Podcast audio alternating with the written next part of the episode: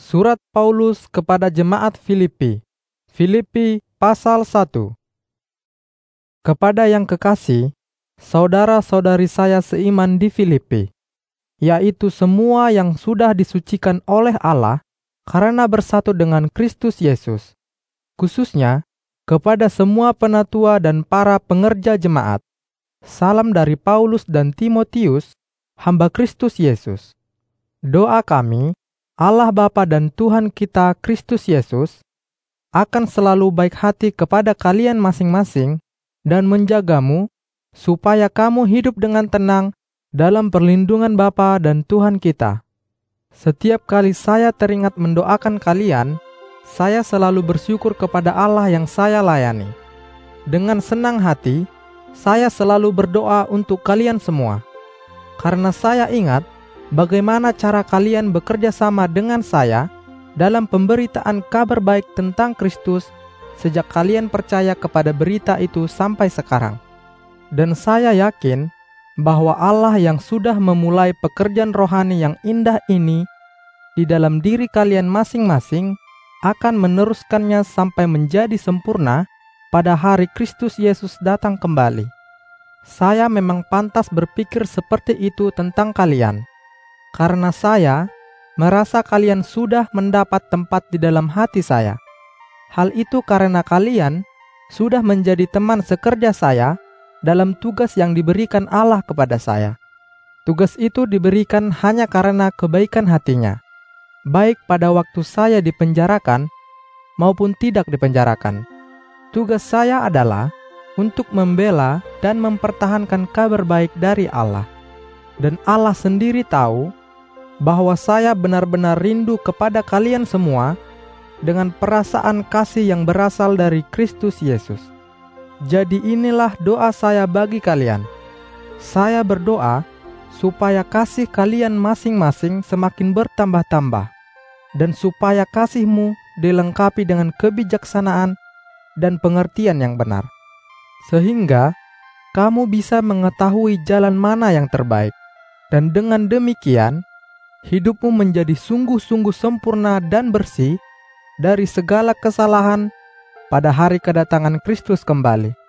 Dan saya berdoa supaya hidupmu yang benar di mata Allah akan menghasilkan banyak hal yang baik, yaitu hal-hal yang dikerjakan lewat kuasa Kristus Yesus untuk kemuliaan dan pujian bagi Allah.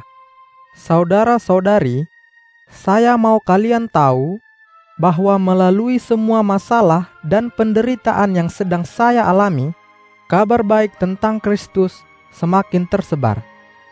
Sehingga semua orang di sini, khususnya para pengawal istana Roma, sudah mengetahui dengan jelas bahwa saya dipenjarakan karena saya pengikut Kristus. Dan karena saya dipenjarakan, sebagian besar saudara-saudari kita yang percaya kepada Tuhan Yesus semakin berani memberitakan kabar baik tentang Dia. Memang ada beberapa orang yang memberitakan tentang Kristus karena iri hati kepada saya, atau karena mereka mau menjadi lebih terkenal dari saya.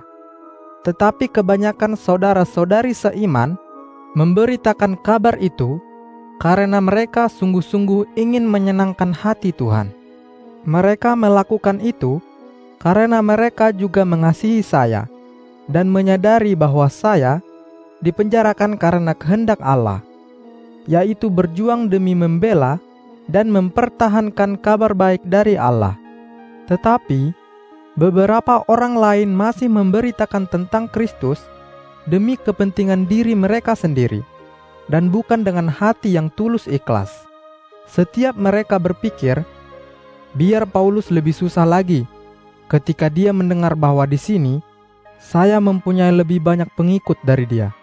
Tetapi kalau mereka menyombongkan diri seperti itu, hal itu tidak mengganggu saya, karena yang penting bagi saya adalah berita tentang Kristus tersebar luas, biarpun itu dilakukan dengan alasan yang murni atau tidak.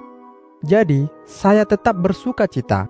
Ya, saya akan terus bersuka cita karena melalui doa-doa kalian dan pertolongan dari Roh Kristus Yesus, saya yakin bahwa pada akhirnya saya akan dibebaskan.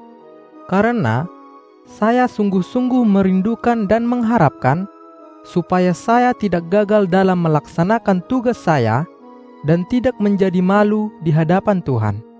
Yang saya mau adalah supaya saya terus bersaksi dengan penuh keberanian, sebagaimana saya sudah pernah bersaksi sebelumnya. Dengan begitu, saya berharap bahwa Kristus selalu dimuliakan melalui apa yang terjadi atas diri saya, baik hidup maupun mati. Karena bagi saya, hidup ini hanyalah untuk memuliakan Kristus, dan kalau saya mati, hal itu hanya akan membawa keuntungan bagi saya yaitu hidup bersama Kristus. Tetapi, kalau saya masih hidup di dunia ini, saya akan terus berusaha untuk mendapatkan hasil yang lebih banyak lagi dalam pelayanan saya kepada Tuhan. Jadi, kalau saya diberi izin untuk memilih, saya tidak tahu apakah saya lebih senang hidup atau segera mati. Memang sangat sulit bagi saya untuk memilih di antara keduanya.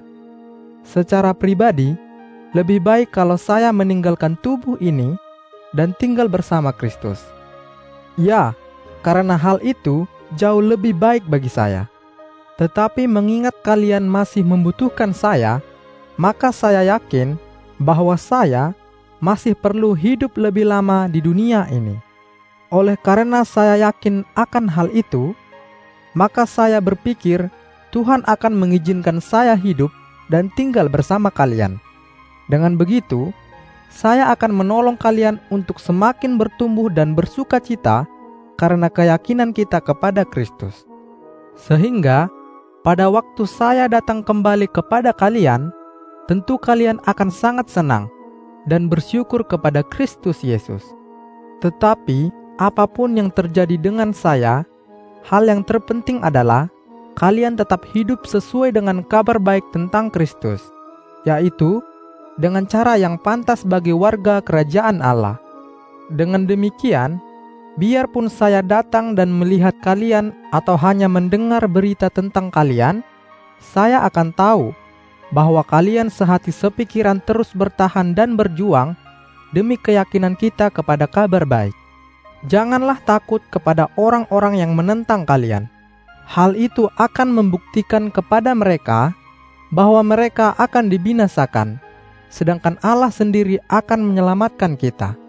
Karena kebaikan hati Allah, Dia memilih kalian bukan saja untuk percaya kepada Kristus, tetapi juga untuk menderita demi kemuliaannya.